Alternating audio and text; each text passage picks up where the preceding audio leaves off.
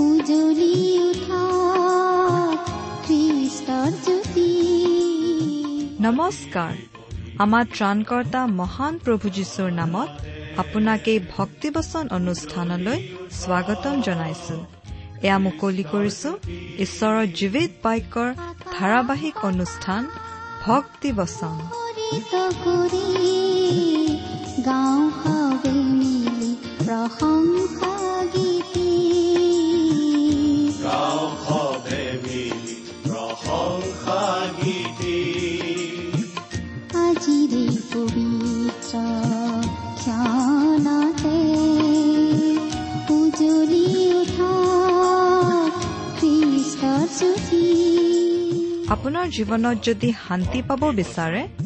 তেন্তে এয়া ঈশ্বৰৰ বাক্যৰ সান্তনা বাক্য ভক্তি বচন।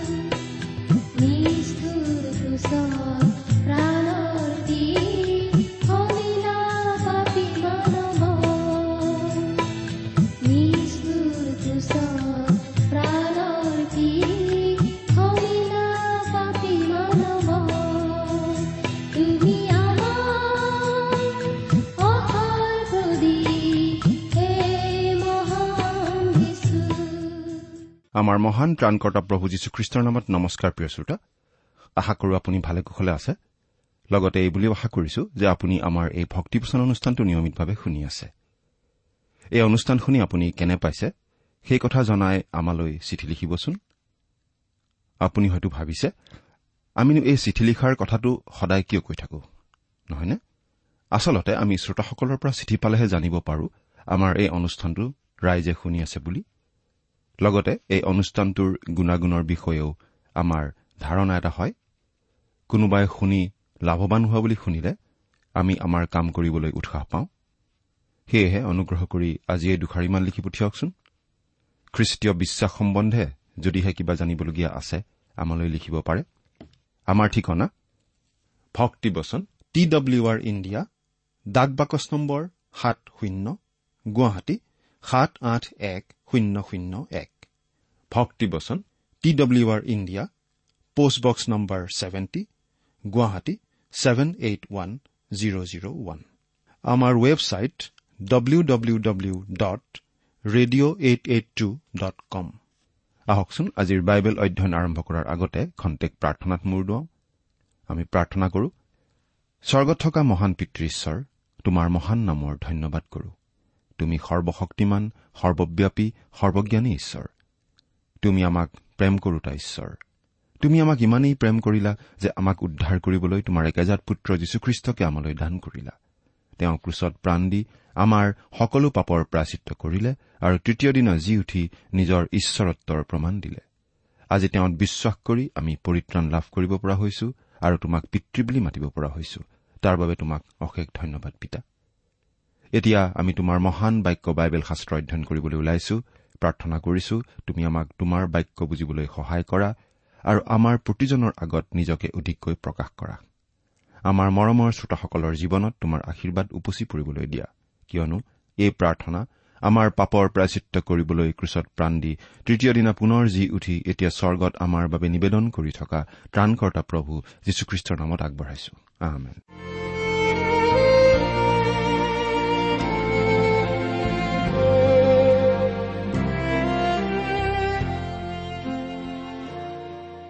প্ৰিয় শ্ৰোতা আপুনি আমাৰ এই ভক্তিবচন অনুষ্ঠানটো বাৰু নিয়মিতভাৱে শুনি আছেনে?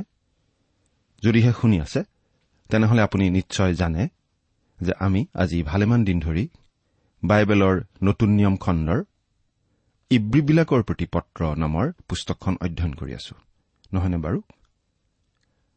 আমি যোৱা অনুষ্ঠানত এই ইব্ৰী পুস্তকখনৰ বাৰ নম্বৰ অধ্যায়ৰ আঠ নম্বৰ পদলৈকে আমাৰ আলোচনা আগবঢ়াই নিলো। গতিকে আজি আমি বাৰ নম্বৰ অধ্যায়ৰ ন নম্বৰ পদৰ পৰা আমাৰ আলোচনা আৰম্ভ কৰিব খুজিছো। এই ইব্ৰী পুস্তকখন যদিও ইব্ৰী অৰ্থাৎ যিহুদী খ্ৰীষ্টীয় বিশ্বাসীসকললৈ লিখা এখন চিঠি আছিল তথাপি ইয়াৰ যোগেৰে খ্ৰীষ্টীয় জীৱনৰ বাবে প্ৰয়োজনীয় বহুতো ব্যৱহাৰিক কথা আমাক জনোৱা হৈছে আৰু আমাৰ শিকিবলগীয়া অনেক কথা ইয়াৰ মাজত আছে। প্ৰিয় শ্ৰোতা আমি প্ৰায়েই কৈ আহিছো যে আমাৰ এই অনুষ্ঠানটো যিহেতু বাইবেল অধ্যয়নৰ অনুষ্ঠান গতিকে অনুষ্ঠানটো শুনাৰ সময়ত লগত বাইবেলখন লৈ ল'লে ভাল হয়। আপুনি বাৰু আপোনাৰ বাইবেলখন মেলি লৈছেনে? আহক এতিয়া আমি অধ্যয়নৰ পিনে আগবাঢ়ো। প্ৰিয় শ্ৰোতা আমি এতিয়া বিশেষভাৱে এটা কথা আলোচনা কৰি আছো। আৰু সেইটো হৈছে ঈশ্বৰে তেওঁৰ সন্তানসকলক অনুশাসনমূলক শাস্তি দিয়ে। কাৰণ তেওঁ নিজৰ সন্তানসকলক ভাল পায়। প্ৰতিজন খ্ৰীষ্টীয় বিশ্বাসী যিহেতু ঈশ্বৰৰ সন্তান গতিকে প্ৰতিজন খ্ৰীষ্টীয় বিশ্বাসীয়ে অপথে গ'লে ঈশ্বৰৰ পৰা অনুশাসনমূলক শাস্তি পায়। আৰু সেই বিষয়টোৱেই আজিও আমি আলোচনা কৰিম। এতিয়া বাইবেলৰ পৰা পাঠ কৰি দিম। ইব্ৰী বাৰ নম্বৰ অধ্যায়ৰ ন নম্বৰ পদ। যদিহে আপোনাৰ লগত বাইবেল আছে চাই যাব আৰু যদিহে লগত বাইবেল নাই অনুগ্ৰহ কৰি মন দি শুনিব। পাঠ কৰি দিছো ইব্ৰী বাৰ নম্বৰ অধ্যায়ৰ ন নম্বৰ পদ। ইয়াত এনেদৰে লিখা আছে তাত বাজে আমাৰ মাংসিক পিতৃসকল শাসনকৰ্তা আছিল। আৰু আমি তেওঁবিলাকক সমাদৰ কৰিছিলো। পাছে তাতকৈ যিজনা আত্মাবিলাকৰ পিতৃ তেওঁৰ বশীভূত হৈ জীৱন ধাৰণ নকৰিমনে জাগতিকভাৱে কথাটো চালে আমি দেখিবলৈ পাওঁ যে মানুহ হিচাপে আমি শিশু অৱস্থাত নিজৰ নিজৰ পিতৃ মাতৃৰ অনুশাসনৰ সন্মুখীন হ'ব লগা হয়। আৰু আমি বেছিভাগ লোকেই এই কথাটো মানি ল'ম যে ল'ৰা ছোৱালীয়ে মাক দেউতাকৰ অনুশাসন মানি লোৱা শাস্তি মানি লোৱা মাক দেউতাকৰ কথা শুনা উচিত বুলিয়েই বেছিভাগ বা সকলো লোকে কয়। কিন্তু আজিকালি কিছুমান তথাকথিত মনোবৈজ্ঞানিক ওলাইছে। তেওঁলোকে এনেদৰে শিকাব খোজে যে ল'ৰা ছোৱালীক শাস্তি দিব নালাগে। আৰু ল'ৰা ছোৱালীবোৰেও মাক দেউতাকক ইমান ভয় কৰিব নালাগে। অৱশ্যে তেনেধৰণৰ মতবাদ আমি মানি নলওঁ। মোৰ দেউতাই মোক শাসন কৰিছিল আৰু মই দেউতাৰ কথা শুনিছিলো। আমি অনেকেই নিশ্চয় সেই বুলিয়েই ক'ব পাৰিম। ইয়াতো এই ইব্ৰী পত্ৰখনৰ লিখকে আমাক এই বুলি কৈছে যে যদিহে আমি জগতত থকা আমাৰ পিতৃৰ কথাই শুনো তেনেহলে আমি যিজনা আত্মাবিলাকৰ পিতৃ তেওঁৰ বশীভূত হৈ জীৱন ধাৰণ নকৰিমনে আপুনি আপোনাৰ মা দেউতাৰ কথামতে চলিছিল নে নাই আমি নাজানো। কিন্তু আপুনি আপোনাৰ স্বৰ্গত থকা পিতৃ ঈশ্বৰৰ কথা নিশ্চয় শুনা উচিত। ইব্ৰীবিলাকৰ প্ৰতি লিখা পত্ৰৰ লিখকজনে এটা বিশেষ ধৰণৰ উপদেশ দিছে। তেওঁ কৈছে আম্মিক পিতৃ অৰ্থাৎ ঈশ্বৰৰ বশীভূত হোৱা আৰু জীৱন লাভ কৰা। তাৰমানে বাৰু আমি জীৱন অৰ্জন কৰাৰ কথাটো কৈছে নেকি? আমি ভাবো তেওঁ আচলতে এই বুলি বুজাইছে যে তেনেদৰে পিতৃ ঈশ্বৰৰ বশীভূত হৈ পৰিপূৰ্ণতাৰে পুষ্ট খ্ৰীষ্টীয় জীৱন যাপন কৰা। আৰু সেইটো হৈছে যোগাত্মক বা ধনাত্মক দিশটো। কিন্তু গোটেই কথাটোৰ নেতিবাচক দিশ এটাও আছে বুলি আমি ভাবো। কাৰণ আমাৰ স্বৰ্গীয় পিতৃ ঈশ্বৰে কেতিয়াবা অতি কঠোৰভাৱে শাস্তি দি অনুশাসন কৰিবলগীয়া হয়। আৰু কিছুমান এনেকুৱা পাপ আছে যাৰ ফলত শাস্তিস্বৰূপে হয়তো মৃত্যু আহিব। মৃত্যুজনক পাপ মৃত্যুজনক পাপ মানে ঈশ্বৰৰ সন্তানসকলে কৰিব পৰা এনেকুৱা এটা পাপ যাৰ শাস্তিস্বৰূপে ঈশ্বৰে সেই সন্তানক এই পৃথিৱীৰ পৰাই আঁতৰ কৰি লৈ যায়। কাৰণ সেই অবাধ্য সন্তানে পিতৃ ঈশ্বৰৰ নামত কলংক আনে। গতিকে ইয়াত এই পত্ৰখনৰ লিখকে এই বুলিও কৈছে বুলি আমি ধৰিব পাৰোঁ। যে আমি আমাৰ স্বৰ্গত থকা পিতৃ ঈশ্বৰলৈ কাণ দিয়া উচিত। কাৰণ তেওঁ আমাক প্ৰেমেৰেহে শাস্তি দিয়ে। কিন্তু যদি আমি সেই অনুশাসন নামানি পাপ কৰিয়েই থাকো তেনেহলে তেওঁ আমাক এই পৃথিৱীৰ পৰাই লৈ যাব পাৰে। আমাৰ শাৰীৰিক মৃত্যু আহি যাব পাৰে। দহ নম্বৰ পদ তেওঁবিলাকে হলে যেনেকৈ উচিত দেখিছিল তেনেকৈ অলপ দিনৰ নিমিত্তে শাস্তি দিছিল। কিন্তু তেওঁ হলে আমাৰ হিতৰ কাৰণে অৰ্থাৎ আমি যেন তেওঁৰ পবিত্ৰতাৰ ভাগি হওঁ তাৰ কাৰণে শাস্তি দিছে। কেতিয়াবা আমাৰ এনেকুৱা ভাবো হ'ব পাৰে যে আমাক দেউতাই খুব খং কৰিছিল আৰু একেবাৰে ভালদৰেই খং দেখুৱাই শাস্তি বিহিছিল। কিন্তু যদিও তেনে প্ৰচণ্ড খং দেখুৱাইছিল আচলতে আমাৰ ভালৰ কাৰণেই আমাৰ লাভৰ কাৰণেই তেনে কৰিছিল। আমি এইটোও ভালদৰে জানো যে আমাৰ স্বৰ্গত থকা পিতৃ ঈশ্বৰেও আমাৰ লাভৰ কাৰণেই আমাক অনুশাসনমূলক শাস্তি দিয়ে। তাত একো সন্দেহ নাই। আমি যাতে তেওঁৰ পবিত্ৰতাৰ ভাগি হওঁ। আমি এই কথা বিশ্বাস কৰো যে ঈশ্বৰৰ অনুশাসনৰ অধীন নোহোৱাকৈ কোনো খ্ৰীষ্টীয় বিশ্বাসী আচলতে খ্ৰীষ্টীয় বিশ্বাসত বৃদ্ধি পাই ঈশ্বৰৰ সৈতে সুন্দৰ সহভাগিতা উপভোগ কৰিব নোৱাৰে। আচলতে ঈশ্বৰৰ পবিত্ৰতাৰ ভাগি হোৱা বুলি কওঁতে তেনেকুৱা এটা ভাৱেই ইয়াত প্ৰকাশ পাই উঠিছে। এতিয়া আমি এঘাৰ নম্বৰ পদটোৰ পৰা চাম। পাঠ কৰি দিছো। এঘাৰ নম্বৰ পদ। সকলো শাস্তি উপস্থিত সময়ত আনন্দৰ বিষয় নহয় কিন্তু দুখৰ বিষয় যেন দেখা যায়। তথাপি পাছত তাৰ দ্বাৰাই অভ্যাস পোৱা মানুহবিলাকক ধাৰ্মিকতাৰ শান্তিযুক্ত ফল দিয়ে। এই কথাটো আচলতে সেই মানুহজনৰ নিচিনা কথা যিজনে নিজৰ পুতেকক এদিন চেকনিৰে কোবোৱাৰ আগতে এই বুলি কৈছিল বাচা তোমাক মাৰিলে তুমি যিমান দুখ পাবা ময়ো আচলতে সিমানেই দুখ পাম। তেতিয়া ল'ৰাজনে উত্তৰ দিছিল হয় দেউতা কিন্তু একে ঠাইতে আমি দুখ নাপাওঁ। ঈশ্বৰে তেওঁৰ সন্তানসকলক চেকনিৰে কোবায়। অনুশাসনমূলক শাস্তি হিচাপে তেনেদৰে কোবায়। কিন্তু সেইটো কৰি তেওঁ আচলতে একো আনন্দ নাপায়। কিন্তু তেওঁ সেইটো কৰিবলগীয়া হয় আৰু কৰে। কাৰণ তেনে কৰাটো আপোনাৰ মোৰ বাবে প্ৰয়োজনীয়। চেকনিৰে কোবোৱাটো কেৱল দেখাতেই নহয় সঁচাকৈয়ে আনন্দকৰ অভিজ্ঞতা নহয় বৰং বেদনাদায়ক। আৰু সেইটোৱেই আমাৰ অভিজ্ঞতা। যদিও শাস্তি দি থকা বা গ্ৰহণ কৰি থকা সময়খিনি আনন্দৰ সময় নহয় কিন্তু পাছত তাৰ দ্বাৰাই অভ্যাস পোৱা মানুহবিলাকক ধাৰ্মিকতাৰ শান্তিযুক্ত ফল দিয়ে। অৰ্থাৎ কোনো উদ্দেশ্য নোহোৱাকৈ ঈশ্বৰে আমাক কেতিয়াও শাস্তি নিদিয়ে। এবাৰ এজন মানুহে মানসিক ৰোগীৰ চিকিৎসালয় চাবলৈ যাওঁতে সেই চিকিৎসালয়ত এজন ৰোগী দেখিলে। সেই ৰোগীজনে বেত এখনেৰে নিজৰ মূৰত কোবাই আছিল।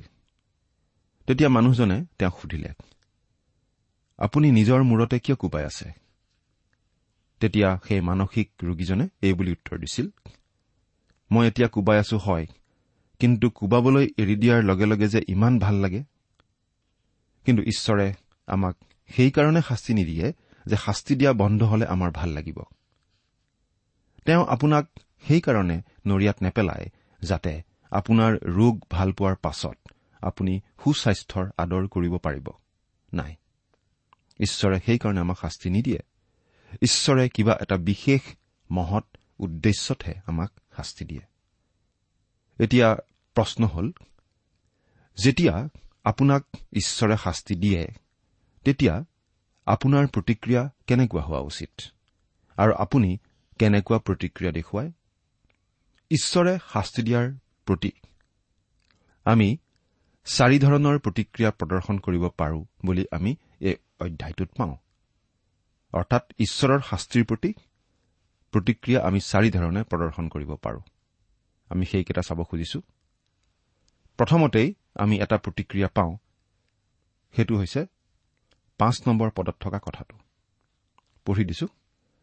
আৰু যি আশ্বাসৰ বাণীয়ে পুত্ৰ বুলি তোমালোকৰ লগত কথা বাৰ্তা কৰিছে বোলে হে মোৰ পুত্ৰ প্ৰভুৰ শাসন হে জ্ঞান নকৰিবা।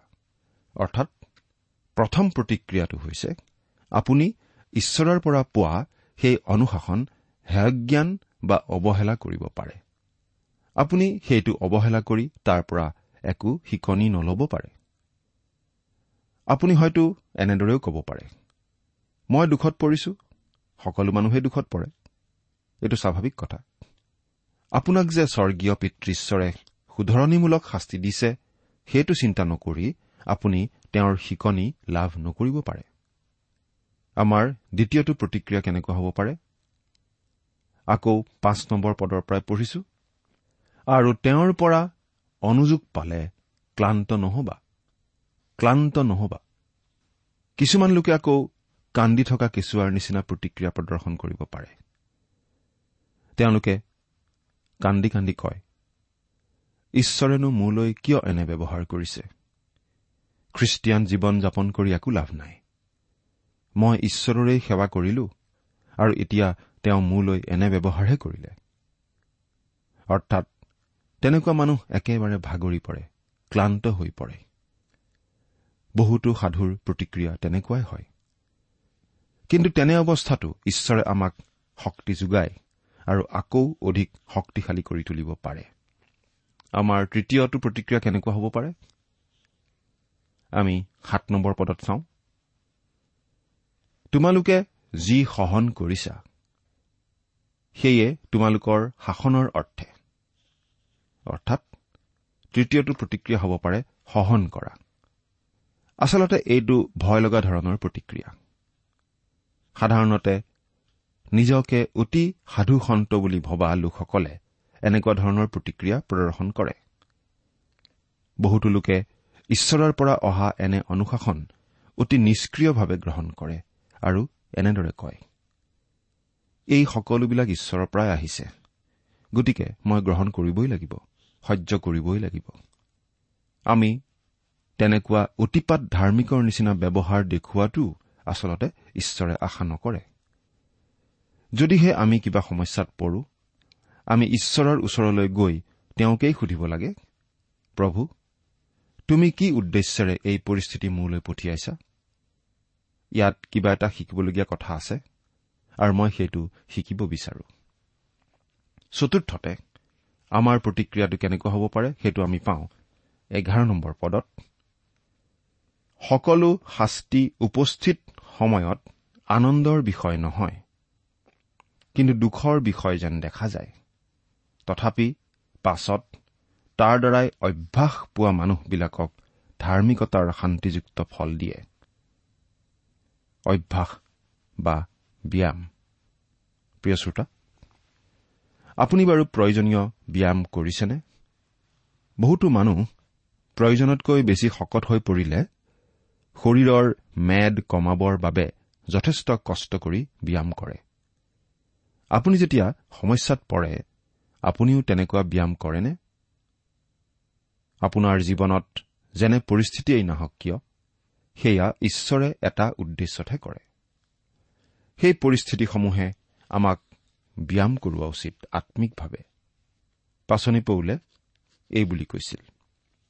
আমি পঢ়িবলৈ পাওঁ প্ৰথম কৰিন্ঠিয়া ন নম্বৰ অধ্যায়ৰ সাতাইছ নম্বৰ পদ। কিন্তু লোকৰ আগত ঘোষণা কৰি শেষত নিজে যেন অগ্ৰাহ্য নহওঁ। এইকাৰণে মই নিজ শৰীৰকে ঘুচিয়াই বশ কৰি ৰাখিছো। পাচনি পৌলে আম্মিকভাৱে ব্যায়াম কৰিছিল। নিজৰ শৰীৰ নিয়ন্ত্ৰণত ৰাখিছিল যাতে ভৱিষ্যতে ঈশ্বৰৰ আগত থিয় দিওঁতে তেওঁ লাজ পাবলগীয়া নহয়। ঈশ্বৰে আমাক দিয়া অনুশাসনৰ যোগেদি আমাৰো ব্যায়াম হোৱাৰ নিচিনাহে হ'ব লাগে। আৰু তেতিয়া আমি পিছৰ পদত উল্লেখ কৰা ধৰণৰ পৰিস্থিতি বা অৱস্থাত নপৰিম। সেইটোনো কেনেকুৱা? বাৰ নম্বৰ পদটো চাওক। ইব্ৰী বাৰ নম্বৰ অধ্যায়ৰ বাৰ নম্বৰ পদ। এইকাৰণে তোমালোকে ওলমি পৰা হাত আৰু জঠৰ আঁঠু পোন কৰা। অনবৰতেই আপত্তি কৰি থকা খ্ৰীষ্টিয়ান হৈ জীৱন ধাৰণ নকৰিব। এজন মানুহ আছিল তেওঁক যদি কোনোবাই সোধে কি খবৰ? খবৰ ভালনে? তেতিয়া তেওঁ ভালদৰেই নিজৰ খবৰ জনায়। প্ৰায় পোন্ধৰ মিনিটমান ধৰি নিজৰ অৱস্থা আনক কয় আৰু যিধৰণে কয় শুনি কাৰো মনত ভাল নালাগে। সেই মানুহজনে অনবৰতেই ওলমি পৰা হাত আৰু জঠৰ আঁঠুৰে খোজকাঢ়ি ফুৰাৰ নিচিনা হৈছিল। প্ৰিয় শ্ৰোতা আমাকো কোনোবাই নহয় কোনোবাই লক্ষ্য কৰি থাকে। ঈশ্বৰৰ পৰা অহা অনুশাসনৰ মুখামুখি আপুনি কিদৰে হয়? আপুনি বাৰু সেই অনুশাসনৰ দ্বাৰা ব্যায়াম কৰাৰ নিচিনাকৈ লাভৱান হয়নে? আপুনি বাৰু নিজকে এই বুলি কয় নেকি? এয়া মোৰ স্বৰ্গত থকা পিতৃৰ পৰা আহিছে। তেওঁ মোক অনুশাসনমূলক শাস্তি দিছে। ইয়াত এটা উদ্দেশ্য আছে এটা শিক্ষা আছে। সেইটো মই শিকিব বিচাৰো। যদিহে তেনেদৰে কয় তেনেদৰে কোৱাটো ভালৰ কথা। প্ৰিয় শ্ৰোতা আমি আম্মিক ব্যায়াম কৰিবলৈ আৰম্ভ কৰা উচিত। তেৰ নম্বৰ পদ আৰু খুৰাই যেন বিপথগামী নহয় বৰং সুস্থ হয় এইকাৰণে নিজ নিজ ভৰিলৈ পোন বাট কৰা। নিজ নিজ ভৰিলৈ পোন বাট কৰা। এইবুলি কওঁতে আচলতে কি বুজোৱা হৈছে আমি খাটাংকৈ ক'ব নোৱাৰো। কিন্তু আমি এটা কথা ক'ব পাৰো যে আমি পোন বাট চিধা বাট অৰ্থাৎ ঈশ্বৰৰ বাধ্যতাৰ যি বাট সেই বাট যদি লওঁ তেতিয়াহ'লে উজুতি খাই পৰাৰ ভয় নাই। কিন্তু বহুতো খ্ৰীষ্টীয় বিশ্বাসী লোক আছে যিসকলে আচলতে বেকাবেকি বাটেৰে আগবাঢ়ে। কেৱল দিনে ৰাতিয়ে নানা ধৰণৰ ওজৰ আপত্তি দেখুৱাই থাকে। ঈশ্বৰৰ হকে সাক্ষ্য তেওঁলোকে কেতিয়াও দিব পৰা নাই। তেওঁলোকৰ জীৱন আচলতে ঈশ্বৰৰ কাৰণে সাক্ষ্য দিব পৰা জীৱন নহয়। তথাপি তেওঁলোকে নিজকে অতি ধাৰ্মিক ধাৰ্মিক দেখুৱাই থাকে। চৈধ্য নম্বৰ পদ সকলোৰে সহিত ঐক্য আৰু যি পবিত্ৰতাৰ বিনে কোনেও প্ৰভুৰ দৰ্শন নাপাব সেই পবিত্ৰতাকো খেদি যোৱা। উৎসাহিত হওক আৰু সকলো মানুহৰ সৈতে মিলেৰে থাকক। অৰ্থাৎ যিসকল লোকে আপোনাক তেওঁলোকৰ লগত মিলেৰে থাকিবলৈ অনুমতি দিয়ে সেই সকলোৰে লগত আপুনি মিলেৰে থাকক। জোৰকৈ কাৰো ওপৰত নিজৰ বন্ধুত্ব আমি নিশ্চয় জাপি দিব নোৱাৰো। কিন্তু কিছুমান মানুহ আছে কেতিয়াও শান্তিত থাকিব নোৱাৰে। কিন্তু আমি যিমান দূৰ সম্ভৱ হয় আনৰ লগত প্ৰতিজন খ্ৰীষ্টীয় বিশ্বাসীৰ লগত শান্তিৰে থাকিব লাগে। আমি সকলোৱে মিলা প্ৰীতিৰে খ্ৰীষ্টীয় জীৱনৰ পথত দৌৰিবলৈ শিকিব লাগে। যি পবিত্ৰতাৰ বিনে কোনেও প্ৰভুৰ দৰ্শন নাপাব। তাৰমানে যদি মই নিজে পবিত্ৰতা উৎপন্ন কৰিব লাগে বুলি বুজোৱা হৈছে তেনেহলে মই হলে নোৱাৰো বুলি হাত দাঙি দিম। কাৰণ মুঠ কোনো পবিত্ৰতা নাই। কিন্তু খ্ৰীষ্টৰ তেজৰ শক্তিৰে অন্তৰত আমি বুজাব নোৱাৰা শান্তি পাওঁ। ৰুমিয়া পাঁচ নম্বৰ অধ্যায়ৰ এক নম্বৰ পদত এই বুলি লিখা আছে এইকাৰণে আমি বিশ্বাসৰ দ্বাৰাই ধাৰ্মিক বুলি গণিত হোৱাত আমাৰ প্ৰভু যীশুখ্ৰীষ্টৰ দ্বাৰাই ঈশ্বৰে সৈতে আমাৰ শান্তি আছে। যদিহে মোৰ কিবা পবিত্ৰতা আছে সেয়া খ্ৰীষ্টই দিয়া কাৰণ তেওঁ খ্ৰীষ্টকেই মোৰ বাবে ধাৰ্মিকতা পবিত্ৰতা কৰা হ'ল। তেওঁৱেই মোৰ ধাৰ্মিকতা। মই ঈশ্বৰৰ সন্মুখলৈ যাবলৈ পাম সেয়া একমাত্ৰ খ্ৰীষ্টৰ কাৰণেই যাবলৈ পাম কাৰণ তেওঁ মোৰ পাপৰ প্ৰায়চিত্ৰ কৰিবলৈকে ক্ৰুচত মৰিল। এইটো নিশ্চয় উৎসাহজনক কথা আৰু এই কথাটোৱে আমাক নতুন উদ্যমেৰে খ্ৰীষ্টীয় জীৱনৰ দৌৰত দৌৰিবলৈ উদগায়। আপুনি বাৰু সেই উদ্যম সেই উৎসাহ আপোনাৰ জীৱনত লাভ কৰিছেনে? চিন্তা কৰি চাওকচোন। ঈশ্বৰে আপোনাক আশীৰ্বাদ কৰক। আহমেন